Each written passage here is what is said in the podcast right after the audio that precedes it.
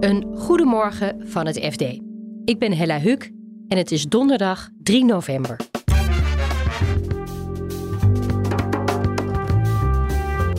Teruggetreden Jumbo-topman Frits van Eert heeft stapels cash in huis. Als je het niet in uh, coupures van 500 hebt, want dan valt het wel mee. Dan, kan, dan past het in een koffertje. Maar als het uh, wat kleinere coupures zijn... Dan, ja, dan hebben we het wel over tassen vol, ja.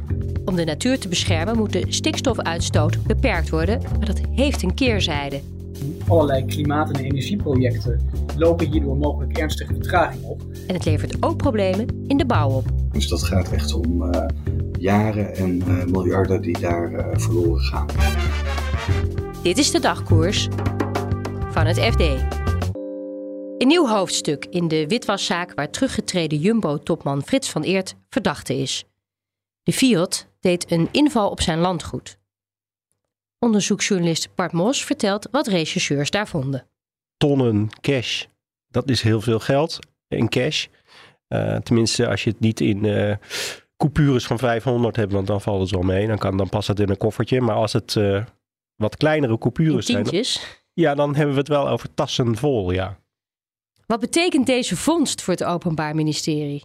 Nou, doorgaans als je hele grote contante geldbedragen bij je hebt of in je woning verstopt hebt, uh, zegt dat iets over uh, de mogelijkheid dat er sprake is van witwassen. Dat is een witwasindicator, zoals ze dat noemen bij de field.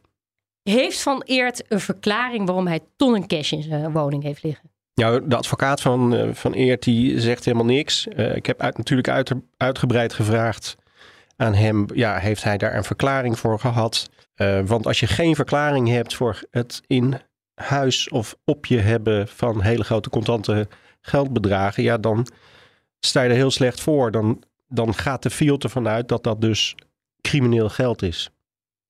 Van Eert is teruggetreden bij Jumbo. Het bedrijf deed al geen zaken meer met hoofdverdachte TOE. Voor Jumbo zelf, voor de supermarkt, is voor hen het boek van deze zaak gesloten? Nou, dat willen ze natuurlijk wel heel graag. En ze hebben KPMG opdracht gegeven om alle sponsorcontracten, want daar gaat het onderzoek van de Field, uh, richt zich daarop, hè, om die te onderzoeken of daar iets mis mee is. Want dat geld hebben zij wel betaald aan die motocrossers en andere snelle, snelle jongens. Of daar iets mis mee is. En ze hebben Ellen en Overy laten onderzoeken of de supermarktketen strafrechtelijk gevaar loopt. Nou, dat zou volgens Ellen en Overy niet het geval zijn. En daarmee is de, de knip gemaakt, zeg maar, tussen Frits en Jumbo. Maar dat moet straks wel blijken tijdens het strafrechtelijk onderzoek, wat nu pas net begonnen is. Keer op keer probeerde het kabinet de afgelopen jaren met geiten, paadjes, trucs, sluiproutes een weg te vinden om het stikstofbeleid voor zich uit te schuiven. De Raad van State zette daar gisteren een streep door. Politiek verslaggever Bas Knoop vertelt wat de Raad van State precies besloten heeft. Nou, die houdt in dat uh, de tijdelijke stikstofuitstoot die vrijkomt bij, uh, bij bouwwerkzaamheden uh, niet zomaar meer genegeerd mag worden door projectontwikkelaars en bouw, bouwondernemers. Het kabinet had in 2021 een zogeheten bouwvrijstelling in het leven geroepen, die, die inhield dat, dat projectontwikkelaar, bouwondernemers uh, ja, gevrijwaard waren van het aanvragen van een vergunning als zij uh, huizen wilden bouwen of windparken wilden aanleggen. En op die manier probeerde het kabinet de, de bouw weer op gang te, te krijgen, die na de vernietigende stikstofuitspraak van de Raad van State in 2019 al stil was komen te liggen. Uh, de Raad oordeelt nu in een zaak die was aangespannen door een milieuorganisatie MOB, Ehm, dat, uh, dat die bouwvrijstelling in strijd is met Europese natuurbeschermingsregels. Omdat het kabinet uh, niet met zekerheid kan zeggen, niet kan garanderen dat er tijdens die uh, bouwfase dus, de stikstofuitstoot die dan vrijkomt, geen schade berokkent aan kwetsbare natuurgebieden. Ze zullen flink hebben lopen vloeken in Den Haag. Welke minister is, denk je, het meest chagrijnig van deze uitspraak? Eh, dat zullen er waarschijnlijk een, een heleboel zijn, uh, omdat dit uh, ja, allerlei bouwprojecten in Nederland raakt. Dus niet alleen de woningbouw, hè, waar minister Hugo de Jonge grote ambities heeft, uh, maar ook ehm, allerlei klimaat- en energieprojecten ehm, lopen hierdoor mogelijk ernstige vertraging op. Ehm, de zaak was namelijk aangespannen tegen het zogeheten Portos-project. Dat is een groot klimaatproject van de Rotterdamse haven om uh, onder de Noordzeebodem um, CO2 uh, op te slaan. En op die manier een bijdrage te leveren aan een daling van de CO2-uitstoot van de industrie. Um, dus, en dan hebben we natuurlijk nog de stikstofminister zelf, minister Christiane van der Wal, die hierdoor um, ja, opnieuw geconfronteerd wordt met, met beleid dat, dat jarenlang allerlei moeilijke keuzes uit de weg is gegaan.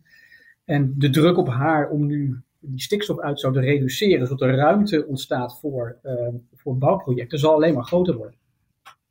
En dan hebben we nog uh, minister Jette. Het moet voor hem toch ook een nederlaag zijn dat dat Portos-project op losse schroeven is komen te staan. Want het hele klimaatbeleid hangt op CO2-opslag.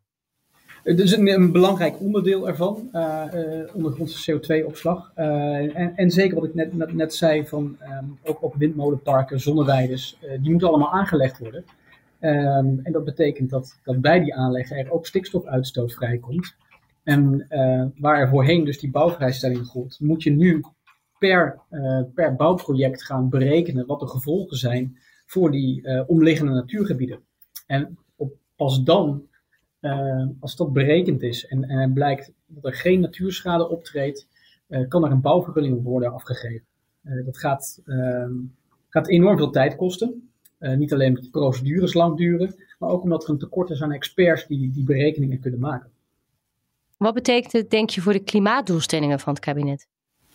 Die, dat, dat, wordt lastiger um, om, om die te halen. Die zijn al ambitieus. We hebben gisteren um, een jaarlijkse doorrekening gehad van het Planbureau voor de Leefomgeving. Uh, die, ja, die berekende eigenlijk dat, uh, dat Nederland nog niet op koers ligt om zijn eigen opgehoogde klimaatdoelstellingen te halen voor 2030. Uh, eh, deze uitspraak gaat er niet aan bijdragen om die doelen wel te halen. Door de uitspraak van de Raad van State wordt bouwen in Nederland weer een stukje moeilijker. Redacteur Bouw en Infrastructuur Arend Klaassen vertelt waar de bouwsector tegenaan loopt. Dit, betekent dat, uh, dat uh, bouwers uh, te maken krijgen met, met vertraging bij bouwprojecten. Het zal langer gaan duren voordat ze een vergunning krijgen. En de procedures worden, worden wat ingewikkelder. En dat heeft ermee te maken. De bouwvrijstelling die zorgde ervoor dat zeg maar voor de bouwfase van een project dat bouwers dan, omdat het zo kort is en er relatief weinig stikstof wordt uitgestoten, dat ze dan uh, niet hoefden te kijken of dat invloed zou hebben op Natura 2000 gebieden. En daar heeft de Raad van State nu streep doorheen gehaald. En dat betekent dus dat bouwers voortaan bij een uh, vergunningaanvraag daar wel op moeten letten. En dat moet dus berekend worden. En dat kost veel meer tijd. Ja, dus ik kan me voorstellen dat uh, de bouwsector wel van zich heeft laten horen na deze uitspraak. Ja, zeker. Uh, brancheorganisatie uh, Bouwen Nederland, die heeft, uh, die heeft het een drama genoemd. ontwikkelaars, die, ontwikkelaarsvereniging NEPROM heeft ook grote zorgen geuit. Want ze zijn bang dat door die vertraging en doordat sommige projecten ook weer opnieuw bekeken moeten worden, dat, nou ja, dat onder andere het bouwtempo in het gedrang komt. Dat gaat om die 100.000 woningen die er per jaar gebouwd zouden moeten worden. Dat gaat om ehm, uh, duurzaamheidsplannen voor grote zonneparken, dat moet ook allemaal tegen het licht worden gehouden. Dus op zich kan het, kan het qua vertraging kan het, uh, best grote gevolgen, gevolgen krijgen. Dus meer uitstel van projecten. Afstel, uh, dat, dat is moeilijk, moeilijk uh, te zeggen op dit moment waarschijnlijk. Als, als er inderdaad goede maatregelen worden genomen om die stikstofuitstoot te beperken, dan zal het geen afstel zijn. Maar uh, je moet nu wel met een goed verhaal komen als je die vergunning wil krijgen. Wie heeft er het meeste last van deze uitspraak? Nou, uiteindelijk van het hele stikstofdossier, ook tot nu toe, heeft uh, de infrastructuursector uh, heeft echt het meeste last gehad. Dat is ook het duidelijk zichtbaar, want uh, het ministerie van Infrastructuur en Waterstaat heeft eerder al gemeld nou ja, eigenlijk was dat direct na die eerste uitspraak in 2019. zijn heel veel snelwegprojecten. Dat gaat echt om miljarden. Met jaren uitgesteld. En eh, eerder dit jaar bleek ook nog eens, omdat er gewoon veel te weinig stikstofexperts zijn uh, in Nederland, dat een deel van die projecten nog verder naar achter schuift. Dus er zijn iets van uh, eh, 13 projecten worden nu stap voor stap tot 2025 zeg maar door de molen gehaald. En de rest die komt daar nog achteraan. Dus dat gaat echt om jaren en miljarden die daar verloren gaan. Dit moet ook wel aankomen bij Hugo de Jonge in Den Haag. Want hij heeft een hele grote opgave om meer woningen te bouwen in Nederland. Ja, eigenlijk, eigenlijk kun je op allerlei terreinen zeggen dat, uh, dat uh, de wind behoorlijk tegen zit uh, voor hem. Hij is natuurlijk vol ambitie begonnen aan zijn periode als minister van Volkshuis, Volkshuisvesting en Ruimtelijke Ordening. Maar eigenlijk zit alles tegen. We hebben natuurlijk te maken met die hogere rente waardoor het voor ontwikkelaars veel moeilijker is om uh, projecten te ontwikkelen en woningen af te zetten. Economisch zit het tegen, dus er zit druk op de woningmarkt door een lage consumentenvertrouwen. En uh, vergunningstechnisch wordt het dus ook veel moeilijker om die woningen te bouwen. Dus er waren al de nodige zorgen van uh, hoe moet je ooit aan die 100.000 per jaar komen, of die 900.000 die jij tot 2030 wil neerzetten.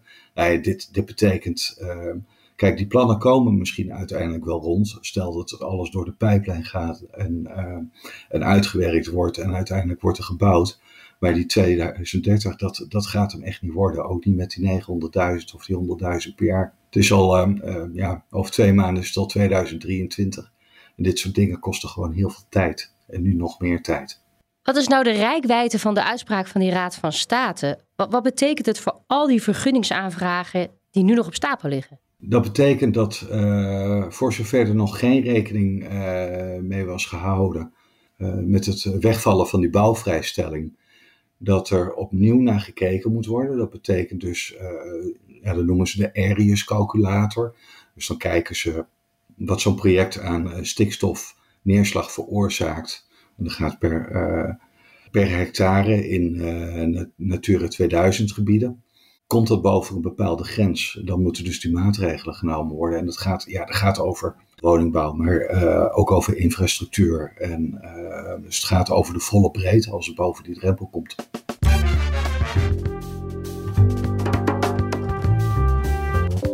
Dit was de dagkoers van het FD. Je vindt ons elke ochtend in je favoriete podcast-app. En het laatste financieel-economisch nieuws vind je op fd.nl. Wil je meer podcast van het FD luisteren? Dan kun je onze serie Achter gesloten deuren luisteren. En die kun je ook naar een Dutch Podcast Award stemmen. Dat kan op podcastawards.nl/slash stem. Linkje vind je ook in de show notes. Nog een fijne dag en graag tot morgen.